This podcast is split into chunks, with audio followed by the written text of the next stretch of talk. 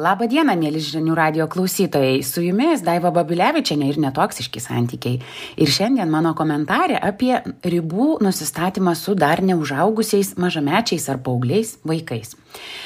Labai dažnai, kai kalbu apie asmeninės ribas, šis klausimas iškyla į foną ir tai yra labai natūralu. Mums tikrai svarbu, kad vaikai nenuklystų į neteisingą kelią, užauktų dorai žmonėm ir taip toliau. Todėl mes kaip tėvai namuose nuo pat mažų dienų bandom dėkti tam tikras taisyklės, tinkamas, tinkamus elgesio modelius. Na, galų gale disciplina.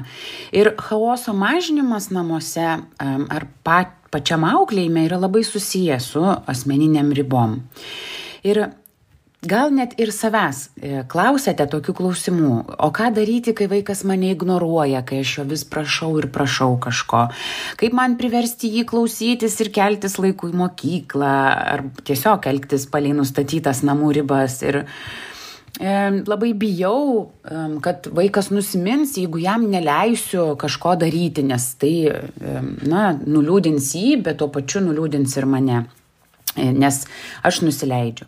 Tai tokie pagrindiniai vidiniai, o gal ir išoriniai, gal ir su draugais ar artimaisiais kalbate apie šiuos dalykus, bet čia labai svarbu būtų akcentuoti, kad namų taisyklės ir jūsų asmeninės ribos nėra tas pats.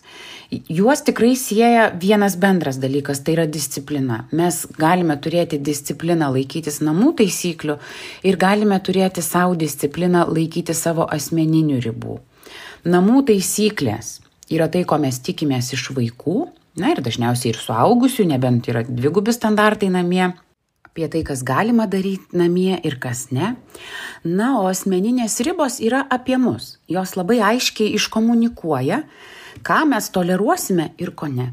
Asmeniškai ir tuo pačiu, kai mes e, parodom savo toleranciją asmeniškai, mes ir parodome, kaip mes reaguosime, kai bus laužomos namų taisyklės ir kokia bus ta disciplina. Tai bet kuriuo atveju asmeninės ribos, aišku, su vaikais sumažina tą nuolatinę įtampą tarp suaugusio ir vaiko, kurią mes tikrai labai dažnai jaučiam. Aš pati turiu tris vaikus ir nors yra jie ir skirtingo amžiaus, aš žinau, ką reiškia tas jausmas, kai atrodo, kad nuolat kažko reikalauji iš savo vaikų, kažkokių tai elgesio po pokyčių ir sulauki tik dar daugiau susierzinimo, nes vaikas taip pat nebesupranta, e, na tarytum nesupranta bet pasimeta tuose prašymuose ir yra pavargęs ir jam tiesiog atrodo, na, ką bedarysiu, vis tiekgi bus blogai.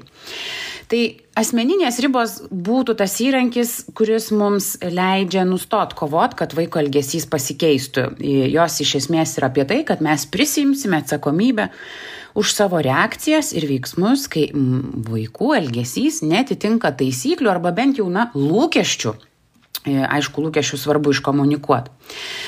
Ir, žinot, aš pati dažnai brėžiu asmeninės ribas su vaikais, aš, aš mėgstu kalbėtis apie tai, kas galima, kas negalima ir mėgstu su pasiekmėmis reaguoti. E, ne bausmėmis, bet pasiekmėmis reaguoti, kai kažkas vyksta ne taip. Bet e, tikrai normalu, kad vaikam ribos nepatinka. Jeigu vaikai galėtų, jie gyventų chaose, anarchijoje, netvarkoj, darydami tai, ką nori, ko neatsimena ir ką atsimena. E, bet ribos yra labai svarbu e, tiek mūsų sveikatai, tiek vaiko asmenybės vystimuisi, tiek mūsų bendriems santykiams ir ryšiams. Todėl labai kviečiu nebijoti pabandyti briežti savo asmeninės ribas vietoj to, kad nuolat komunikuotume tiesiog, kas turi būti padaryta ar kas turi keistis. Ir kad būtų lengviau, aš tiesiog pabaigai pateiksiu keturis, galbūt pačius populiariausius e, būtyje pasitaikančius pavyzdžius, kaip galėtumėt jūs atskirti nuo taisyklės komunikavimo arba reikalavimo prie, ir pereit gražiai prie asmeninės ribos brėžimas. Tai atminkit, kad asmeninės ribos brėžimas yra, tai yra, kai aš iškomunikuoju, ką aš padarysiu, jeigu tavo elgesys nesiliaus ir padaryti tą elgesį irgi reikia. Tai pirmas mano pavyzdys, e, galbūt čia su visai mažiukais vaikais tiktų, e, vietoj to, kad mes sakytumėm, nemėtik maisto negalima, e, riba skambėtų, jei mesi maistą vėl ant žemės, aš paslėpsiu užkandžius. Ir tarkim, jeigu vaikas mėta, meta vėl maistą ant žemės, jūs ir įgalinate savo asmeninę ribą ir paslėpėte užkandžius ir nebeklausote jokio zirzėjimo ir va taip po truputį vaikas pradeda suprast, kad mama netoleruos to, ką aš darau ir jį imasi veiksmų.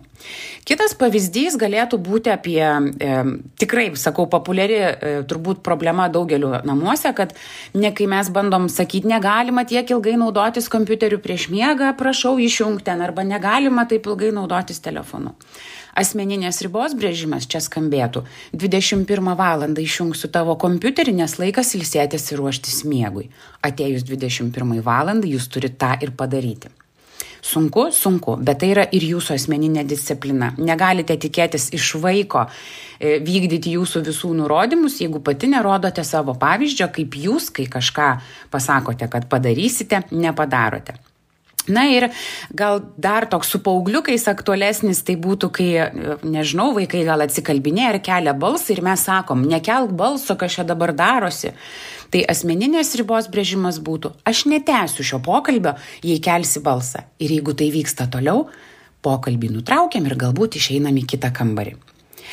Tai tiek būtų šiandien apie asmeninės ribas su vaikais, tikiuosi buvo naudinga ir iki kitų susigirdėjimų. Čia buvo Daiva Babilevičiane ir netoksiški santykiai.